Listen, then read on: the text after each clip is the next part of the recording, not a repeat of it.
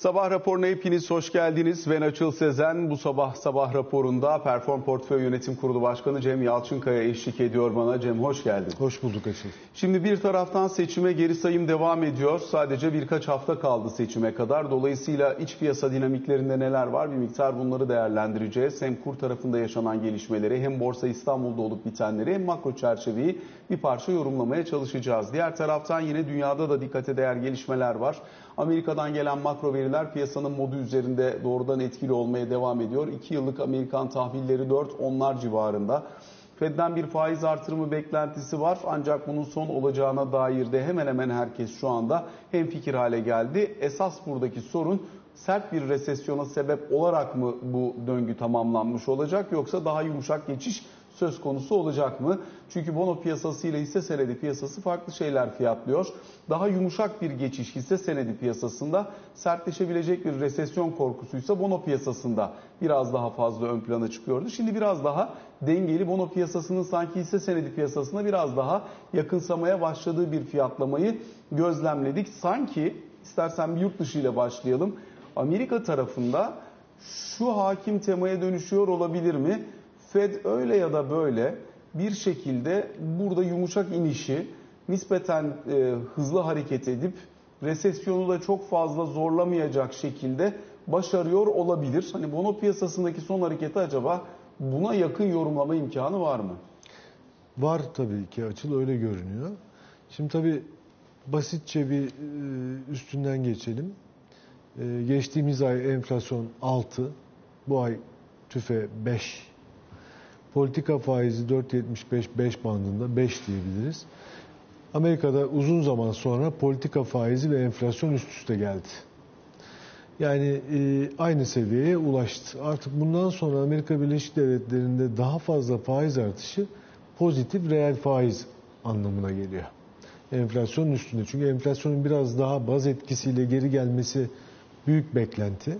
Çok da süratli geri geliyor zaten. Yani 6.9, 6 5 hızlı da geri geliyor. İşte buna ortodoks politika diyoruz. Çok konuştuğumuz ortodoks politika. Faiz seviyesi 5, enflasyon seviyesi 5'e kadar indi. Şimdi bundan sonra daha aşağıya gelmesi beklenen bir enflasyon. Fakat 2'yi hedefleyen bir Fed var. Yani burada hedefi belki biraz daha Fed e, yukarı çekse daha kolay e, yürüyecekti işler. Fakat 2'yi bekliyoruz diye işte dün Cuma günkü açıklamada da bir Fed bölgesel e, başkanının e, faizleri daha da artırmak söz konusu olabilir nevinden bir açıklaması piyasaları yine sarstı. Yani burada iletişim politikalarında tabii birçok bölge e, başkanı var. Bu bölge başkanlarının açıklamalarıyla işi ayarlıyor. Ama bana sorarsan ben şöyle düşünüyorum. Çok artık %80 oylanan 25 bas puanlık daha artış 3 Mayıs'ta söz konusu. Ee, ondan da emin değilim. Önümüzdeki günlerdeki gelişmeler ne gösterir?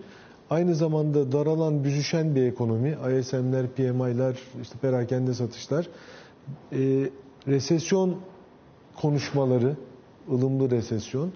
Bundan sonra artık faiz artışı işte bu 25 bas puanlık daha olur belki ama ondan sonra artık faiz artışı beklememek gerekir. Hatta son çeyrekte ben de faiz indirimi bekleyenlerdenim. Yani Amerikan ekonomisi artık bence e, para politikası, mali politika baktığın zaman dengeye gelmiş durumda. Bundan sonraki iniş yani dörtlerden sonra enflasyondaki iniş biraz daha yavaş olur belki ama faiz artırımının da sonuna gelinir. Artık pozitif reel faize geçecek olan bir Amerikan ekonomisinde. Şimdi özellikle tabii buraya doğru gidecekse işler bundan sonrasında dünyadaki tablo nereye evrilir biraz buna da bakmak lazım. Zira dolar çok ciddi zayıfladı. Yani dolar endeksi işte yüzlere kadar gitti. Şimdi oralardan bir miktar dönüş çabası içerisinde falan. Fakat e, dünyanın geri kalanı da hani Amerikan Merkez Bankası bu kadar sıkılaştırırken kendi sıkılaştırma politikasıyla yola devam ediyordu. E, risk unsuru barındıran varlıklar bundan negatif etkileniyor. Alternatif maliyet yükseldiği için ister istemez buralar dalgalanıyordu. Kripto varlıklardan tut altına kadar e, buralar açısından şimdi bazı şeyler değişecek gibi görünüyor. Dolayısıyla bu risk algısı değişimi açısından ne ifade eder? Yani klasik bir gevşeme beklentisi değil ama aynı zamanda biraz daha dengeli bir resesyon içerisinde acaba buralardaki fiyatlamalar risk unsurları için ne içerebilir? Şimdi tabii çok önemli bu soru açıl. Önümüzdeki dönemde e, bir kere bu Fed'in politika faizini daha fazla arttırmamasının önemli sonuçları var. Bir tanesi diğer ülkelerin borçlanma maliyeti. Gelişmekte olan ülkeler için söyleyebiliriz. Yani ne yapıyoruz? Kabaca söylüyorum. İşte ülke risk primini, CDS'i koyuyoruz 5 yıllık. Üstüne de FED politika faizini yaklaşık ekliyoruz. Senin borçlanma maliyetin çıkıyor ülke olarak. Şimdi bu borçlanma maliyetindeki X artı Y diye bakarsak Y kısmı artık sabitleniyor veya aşağı inmeye başlıyor. Tabii dönüp CDS yani kendi ülkendeki risk primini indirmek de önemli bir unsur haline geliyor. Birinci şey e, devletlerin yapması gereken artık Y'yi yani denklemdeki e, politika faizi, FED politika faizinin daha fazla artmayacağı hatta geri geleceği mantığı içerisinde kendi risk birimlerini indirmeye çalışmak. Bir bu kısım var. İkinci kısma baktığımızda evet riskli varlıklar hem çakılmıştır. Riskli varlık dediğimiz zaman önce coinler geliyor biliyorsun. Ondan sonra hisse senedi piyasaları geliyor. Riskli varlıklarda bir toparlama beklersin. Neden? E daha fazla sıkılaştırmayı en azından para politikası tarafından faizle gerçekleşmeyeceği anlamını taşır. Fed öncülük ediyor. Diğer merkez bankaları da bunu takip ediyor aslında. Yani eş zamanlı neredeyse oralarda da ekonomiler bu şekilde etkileniyor. Dolayısıyla e, riskli varlıklarda bir hareketlenme beklersin. Yalnız bir tane orada önemli nokta daha var. O da bilançoyu daraltması e, Fed'in. Yani kabaca hep konuşuyoruz. İşte 2008'de 800 milyar dolar olan Fed bilançosu işte 9 trilyon dolarlara kadar çıktı. Fakat daha sonra artık e, borçlanma kısmını azaltarak bilançoyu daraltmaya giden bir Fed görüyoruz. Tamam şu bankacılık kriziyle birden bir 300 milyar dolar daha arttı bilanço ama hani bundan sonrasına baktığın zaman e, yavaş yavaş kısmaya giden, bilançoyu kısmaya giden bir Fed görüyoruz. Dolayısıyla riskli varlıklarda önceki gibi bir atak olmasını aslında birazcık engelleyen, birazcık frenleyen bilanço daralması var.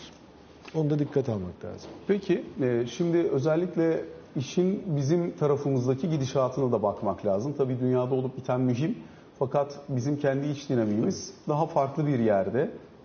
Hem makro politikada hem para politikası ve bunun uygulama şekillerinde hem maliye politikasında Türkiye'nin bundan bir ay sonra nerede olacağına dair e, biraz daha fazla bilgi ihtiyacı ortaya çıktı gibi görünüyor. Zira e, iktidar değişikliği olsa da olmasa da mevcut iktidar da devam etse ya da muhalefet seçimi kazanıp iktidara da gelse bir politika değişikliği olması gerekeceği mevcut sistemin sürdürülebilirliğinin olmadığı kalmadığı yönünde e, sürekli artan bir yabancı raporu var. Geçen hafta JP Morgan'dan, daha öncesinde Citi'den, onun öncesinde diğer kurumlardan hemen hemen bütün yabancı kurumların bakış açısı 3 aşağı 5 yukarı aynı.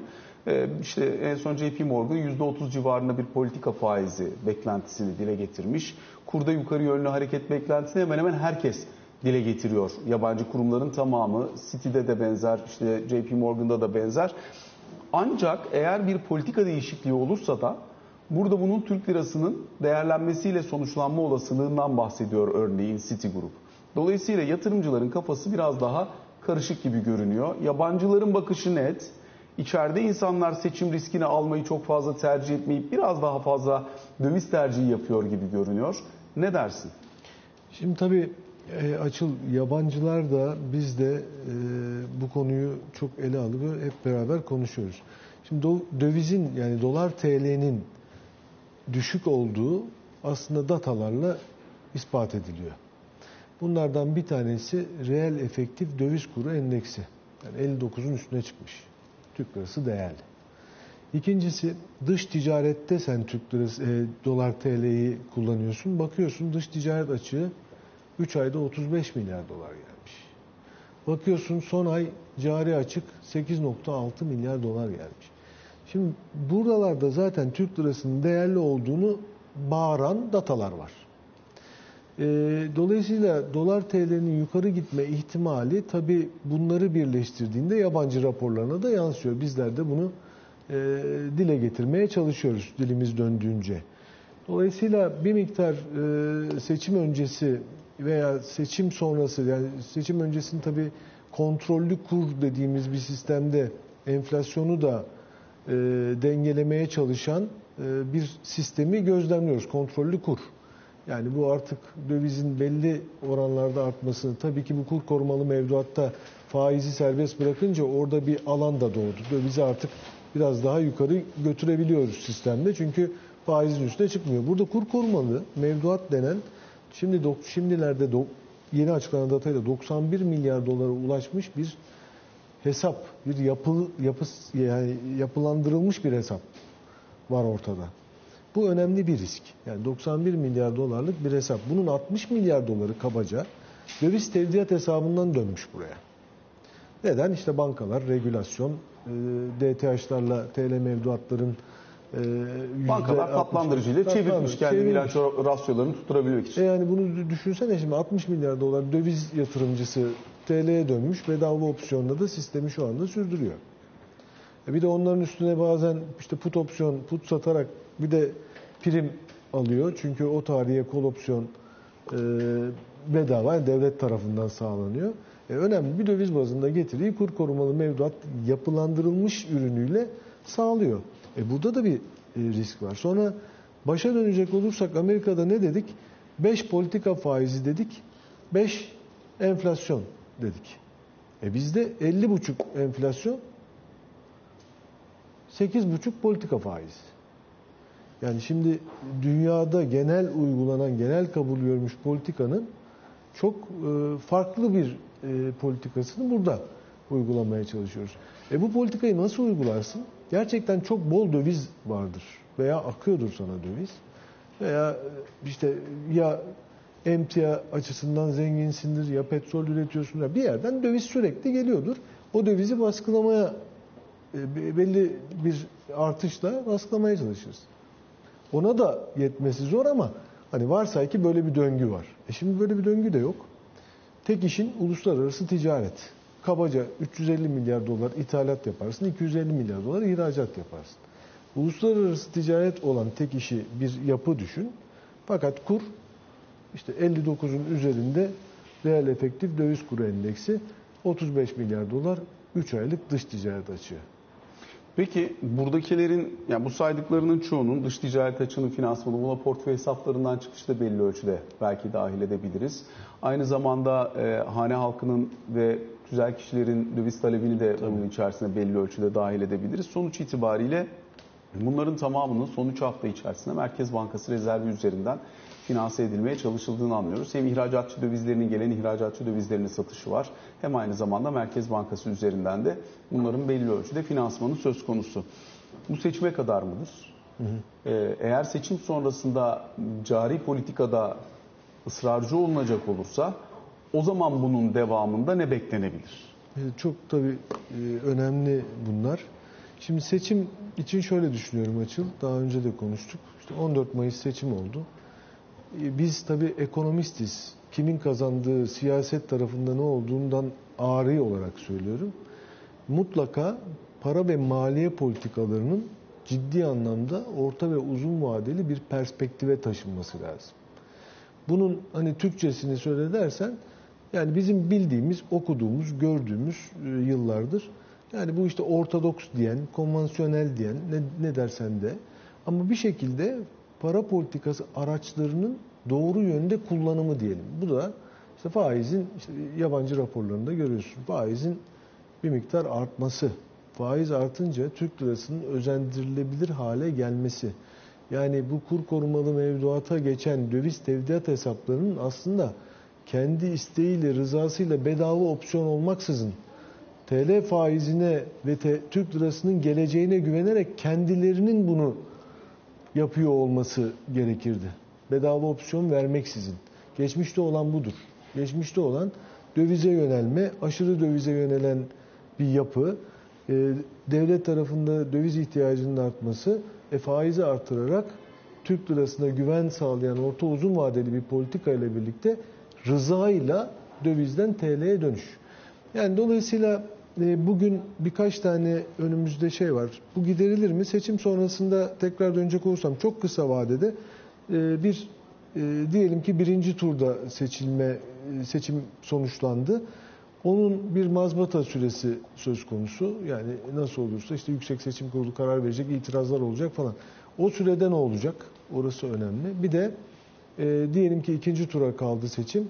Orada iki haftalık bir süre var. Üstüne bir de mazbata süresi koyarsan orada bir bir yönetim açısından bir e, sıkıntı olabilir. Orada işte bu dolar TL'nin değerlenmesi açısından bir beklenti oluşabilir. Bu genel olarak da zaten konuşulan taraf. İkinci şeye geçecek olursak seçim bitti. Kim kazanırsa kazandı ama sonuç itibariyle orta ve uzun vadeli politikalar gündeme geldi. Güven tesis edildi. Para politikalarında, ekonomi, iktisat politikasında önümüze dönük olarak. Mevcut sistemin sürdürülmesi demiştin Açıl.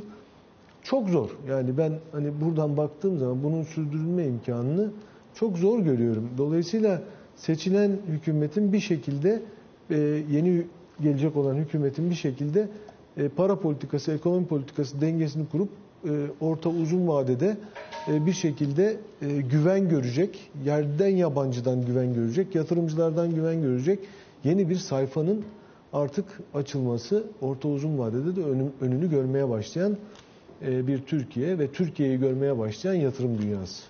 Peki şimdi e, özellikle piyasadaki bir döviz likiditesi, iki aynı zamanda TL likiditesi yani döviz talebi arttığı için piyasadaki TL miktarının da azaltılmaya çalışıldığını, yeni TL verilmesi konusunda Merkez Bankası'nın bir miktar daha e, sıkışkan, e, sıkışık bir e, yaklaşım sergilemeyi tercih ettiğini görürüz ki o TL'nin de dövize dönme olasılığı e, çok fazla olmasın. Sonuç itibariyle şu an geldiğimiz noktayı bu likidite anlamında nasıl buluyorsun?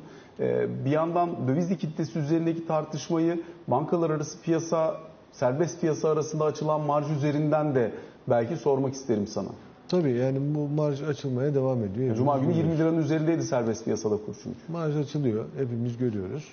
İşte e, kontrol daha da arttırılıyor. Çünkü e, döviz likiditesiyle ilgili sorun aşikar. Hepimiz de bunu gözlemliyoruz. TL tarafına geldiğimiz zaman tabii şirketlerin bunu hep konuşuyoruz ama her defasında da söyleyeceğim açım.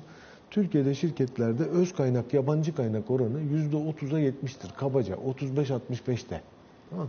Tabii şirketten şirkete farklılık arz eder. Ben ortalamayı söylüyorum. E böyle bir durum söz konusuyken yabancı kaynak ihtiyacı yani bankalardan kredi ihtiyacı her zaman yüksektir. Her dönemde. Şirketlerin hem çalışma sermayesi ihtiyaçlarında hem yatırımlarda vesaire. Şimdi bu ihtiyaçları bankalardan karşılamak gerçekten bugünlerde oldukça zor. Yani işte şirket sahipleriyle oturup konuşmak lazım. Bankaların verdiği krediler 3 aylık, 6 aylık. Faizler çok yüksek. Özel bankalardan da bahsediyorum ağırlıklı olarak. Ve sen şimdi böyle bir ortamda likiditeye ulaşamadığın zaman işini nasıl döndüreceksin? İşletme sermayesi ihtiyacını nasıl gidereceksin? Yani bunların hepsi çok temel sorular. Kurumlar tarafında böyle bir durum söz konusu. Evet yani tabii e, parayı genişletmek e, devam etmesine rağmen Türk lirasında genişleme onu kontrol altına almaya çalışan da bir e, ekonomi yönetimi söz konusu. E, bu da şirketler tarafını daha da bir e, sıkışık duruma getiriyor, zorlanma durumuna getiriyor. E, bireysel tarafta zaten e, biraz e, şey ücretler seviyesi vesaire o bambaşka bir tarafa doğru çekip e, zor bir durumda devam ediyor. Ama şirketler tarafında likidite çok önemli. Çok önemli. Peki e, yine belki biraz yatırım stratejisi olarak da bakmakta fayda olabilir. E, çünkü hani kur korumalı mevduat açısından biraz önce bahsettiğim büyüklük 90 milyar doların üzerine geldi vesaire. Evet. Mayıs ayında da kuvvetli dönüş var. Evet. tam da seçim dönemi. Yani dolayısıyla Mayıs'ın ortasında seçim var. Daha sonrasında eğer ikinci tura kalırsa orada bir 14-15 gün daha sonrası da var. Dolayısıyla burada e, hani yatırımcıların genel bakış açısı yüzde 40 kadar e, parasını çekmek, geri kalan kısmına devam etmek yönünde diyor bizim konuştuğumuz bankacılar. E, dolayısıyla özellikle Mayıs ayına dönük bir yatırım stratejisi oluştururken bu ne ifade eder? Aynı zamanda ondan sonra seçim riskini taşımak ya da taşımamak konusunda farklı alanlarda işte örneğin hisse senedinde örneğin başka bir yerde pozisyonu varsa yatırımcının bunların ne kadarını nasıl sürdürmeli, nasıl taşımalı? Her gün yeni bir bilgi çünkü yani hani e, bundan iki hafta önceki temayla bugünkü tema aynı tema değil Çok gibi doğru. görünüyor. Çok doğru açın. Şimdi Tabii bu kur korumalı mevduattan dönüşler Mayıs ayında çok yüksek. Bu piyasanın da takip ettiği bir taraf. İşte 30 milyar dolar civarında yakın. Tabii burada yatırımcıların veya tasarruf sahiplerinin nasıl hareket edeceği çok önemli. Bir de tabii ki e, şu anda devam etmekte olan bankalar üzerindeki regülasyon e, daha sıkıştırılacak mı, mevcut şeklinde devam mı edecek? Bu da oldukça önemli bir soru. Veya diğer regülasyonlarla bu 30 milyarlık dönüşün tekrar kur korumalıya park etmesi nasıl sağlanabilir diye mutlaka ekonomi yönetimi tarafından görüşülüyordur. E, bir miktar belki buradan e, dövize dönüş söz konusu olursa, bu bir sadece ihtimal olarak konuşuyorum. Eğer böyle bir şey söz konusu olursa tabii sıkışır sistem, daha da sıkışır. Çünkü rakam büyük. Yani şu anda çok e, döviz likidite ihtiyacı olan bir yapı içindeyiz. Yani dövizi artık e, hani böyle ellerimizle tutmaya çalıştığımız bir yapı için, döngü içindeyiz. Burada gelecek olan ekstra bir talep sistemi epey bir zorlar. O yüzden dikkat etmek lazım. Peki burada mesela e, diyelim ki yani şu anda faiz oranları da Merkez Bankası'nın son düzenlemesi sonrası mevduatta birkaç puan artmış görünüyor. Evet. E, çünkü bankalara bu kez yeni bir dönüşüm hedefi verildi. E, bankalarda hani e, deyim yerindeyse e, artık e, sineğin yağına kadar gelmiş durumda olduklarını e, ifade ediyorlar. E, buradan sonra bu dönüşümü sağlama imkanı bankalar açısından ne kadar var? Bir. TL'nin faizinin bu kadar yükseliyor olması önümüzdeki dönem açısından e, yapılabilecek bir konvansiyonel politikaya geçiş ya da faiz artırımı açısından gelebilecek şoku ne kadarını absorbe etti? Onu da belki sormak lazım. Çünkü aslında fiili olarak faiz artmış oldu. Evet. Yani orada bir aslında e, faiz artışı söz konusu. Yani hem kredi faizlerinde bunu görüyorsun. E, belki 35'ler 40'lar işte konuşulan faizler. Bir tarafta da e, mevduat faizlerinde bunu görüyorsun. Kur korumalı mevduat faizleri 24, 26 yani bankasına göre değişen bir şeye e, geçti. Başka bir seviyeye geçti. Dolayısıyla bu seviye içerisinde baktığında bir miktar faiz artışı aslında reel olarak piyasalar tarafından gerçekleştirilmiş durumda.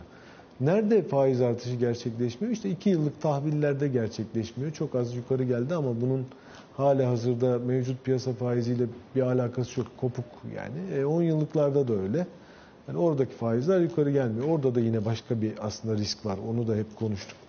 Ama diğer taraftan baktığında faizler biraz yukarı geliyor ama yeterli mi sorusu işte enflasyona bakıyorsun ve politika faizine bakıyorsun. Yani enflasyonla politika faizi arasındaki denge e, bu işin cevabı. Yani çünkü benim param değer kaybediyor. Ne kadar değer kaybediyor? İşte son data itibariyle 50.3 benim enflasyon var. Ben bu enflasyonda param değer kaybediyor elimde duran Türk lirası. Bunu ne kadar Türk lirası faizle karşılayabilirim sorusu bu işin cevabı. Yani sen 24 faiz de veriyor olsalar 50 enflasyon veya önümüzdeki sene devam edecek olan enflasyonun yaklaşık 40-45 olacağını varsayıyorsan e %15 paranın erimesine izin verir misin? İşte o yüzden geçen sene aslında borsada çok önemli bir rally, o yüzden gayrimenkulde önemli bir rally devam etti. Yani niye vereyim? E faiz demek ki enflasyona yakınsamalı. Amerika Birleşik Devletleri bugün 5'e 5 yapıyorsa, eğer Türk lirasını özendireceksek faizi enflasyona yakınsamamız lazım. Yani bunun başka bir uygulaması ben bilmiyorum. Cem Yalçık'a çok teşekkür Ben ediyoruz. teşekkür Bu sabah yayınımıza katıldığın ve değerli görüşlerini bizlerle paylaştığın için böylelikle ilk bölümü tamamladık. Kısa bir ara sonrasında Ali Can Türkoğlu ile birlikte karşınızdayız.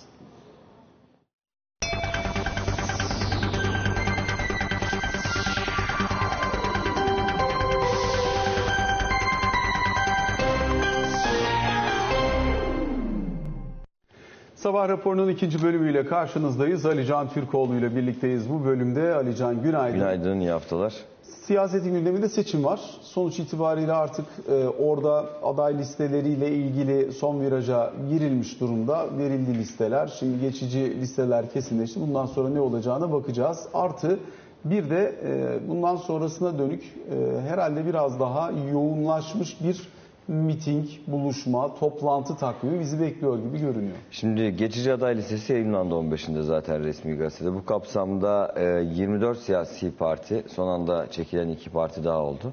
E, 24 siyasi parti ve 152 bağımsız adayın e, yarışacağı şu an itibariyle e, önümüzdeki tablo.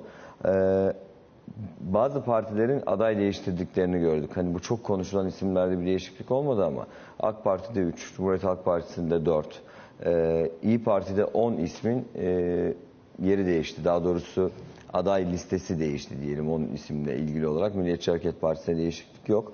E, bazı önemli isimler var kamuoyunda konuşulan. Mesela AK Parti'de İstanbul 3. Bölge 8. sıra adayı Necmi Kadıoğlu yerine eski il başkanı Bayram Şenocak geldi. Yine İstanbul'da ve e, Samsun'da değişiklikler var. E, Adalet ve Kalkınma Partisi'nde. Cumhuriyet Halk Partisi'nde e, Ağrı, Ardahan, Kilis ve e, Şanlıurfa'da değişiklikler yapıldı. Yani kastettiğim şey şu, o geçici aday listesi şu an itibariyle değişikliklerle yayımlandı. Sonrasında il seçim kurullarına ve yarın olarak yarın son karar verilecek bir şekilde Yüksek Seçim Kurulu'na listeyle ilgili itirazlar yapılıyor yapılmaya devam edecek ve sonrasında da 19 Nisan tarihinde kesin aday listesi resmi gazetede yayınlanacak ki zaten e, aday listelerinin ilk açıklandığı günle bugünü kıyaslarsak o listeler üzerindeki tartışmalar artık o, o ilk rüzgar bitmiş gibi gözüküyor. Ee, Partilerin kendi içlerinde tabii ki tartışmalar yaşanmaya devam ediyor. Ancak o ilk gün e, olan yoğun tartışmalar e, hatta bazen istifalara kadar yol açabilecek şekilde olan tartışmalar bitmiş gibi gözüküyor şu an itibariyle. Partilerin bir takım strateji değişiklikleri olduğunu da görüyoruz. Bundan kastım mesela tip Ankara birinci bölgede aday çıkarmamıştı. Ee, geçici aday listesinde gördüğüm kadarıyla birinci bölgeye bir aday eklemiş durumda. Bu kapsamda işte diğer partilerin listelerine göre e, son strateji değişiklikleri de e, yapılabiliyor partilerde. Bir yandan da e, sen de söyledin liderlerin ve siyasi partilerin işte miting programları, seçim programları netleşmiş durumda. İşte kaldı 26 gün, 20 26 gün kaldı seçime. Bu kapsamda hem e, ittifakların Cumhurbaşkanı adaylarının hem de siyasi parti genel başkan ve milletvekili adaylarının e, çok yoğun bir şekilde illerde, ilçelerde işte miting programları, toplantılar la geçecek günlerini görüyoruz. Bu kapsamda işte partiler seçim beyannamelerini zaten tek tek açıkladılar kamuoyuna. Aday tanıtım toplantılarında adayların ismi bir kez daha kamuoyuyla paylaşıldı.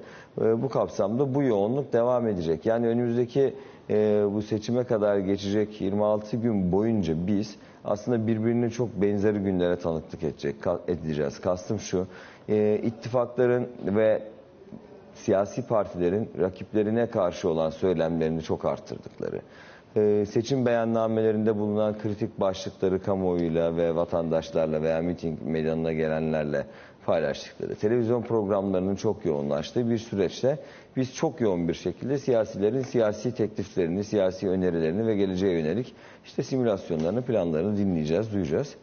Bu arada şey bugün soracağım. itibariyle önemli bir gelişme İstanbul Finans Merkezi'nin açılacak olması. Ee, özellikle bankalar etabı açılıyor. İstanbul Finans Merkezi çok uzun süredir üzerine konuşulan, tartışılan bir projeydi. Ee, ancak tabii burada açılan kısım binalar. Ee, yani işte kamu bankalarının genel merkezleri e, İstanbul'a taşındı. Merkez Bankası İstanbul'a taşınıyor. Dolayısıyla e, hani şimdi İstanbul Finans Merkezi'nin bina etabının açılması, Üç Kamu Bankası'nın e, bazı bölümleri bugün itibariyle zaten geçen haftadan başlamışlardı taşınmaya. E, bugün itibariyle orada faaliyet göstermeye başlayacak gibi görünüyor. Biraz üzerine konuşmak lazım zannediyorum.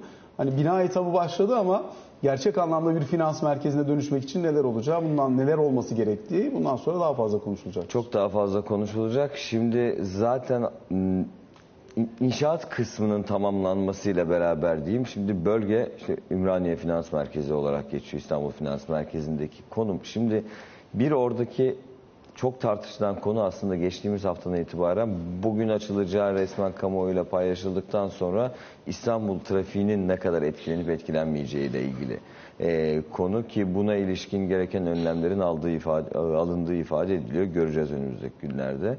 İki, e, banka genel e, müdürlüklerinin buraya taşınmasıyla beraber tamamen İstanbul'un bir finans merkezi haline gelmesinin doğru olup olmadığı yönünde de siyasi bir tartışma var aslında. Şimdi bazı siyasi partilerde de görüyoruz ki evet e, doğru olabilir. İstanbul tabii ki ticari bir e, merkezdir ve dünya için de çok önemli bir ticari merkezdir. Ancak banka genel müdürlerinin Ankara yerine İstanbul'da olması doğru bir hamle değildir yönünde açıklama yapan genel başkanlar ve siyasi partiler de var. Bu kapsamda seçim zamanında da aslında bu konu konuşulacak gibi gözüküyor. Önümüzdeki süreçte seçim sonuçlarına bağlı olarak nasıl bir e, gelişim olacak bu konuyla ilgili. Bunları da göreceğiz. Ancak bugün yapılacak açıklamalarda da bundan sonra yapılacak açıklamalarda da İstanbul'un Türkiye ve dünya için ne kadar önemli olduğunu vurgulanması, dünya finans piyasası açısından İstanbul gibi bir merkezin daha efektif kullanılması gerektiği yönündeki yorumlar.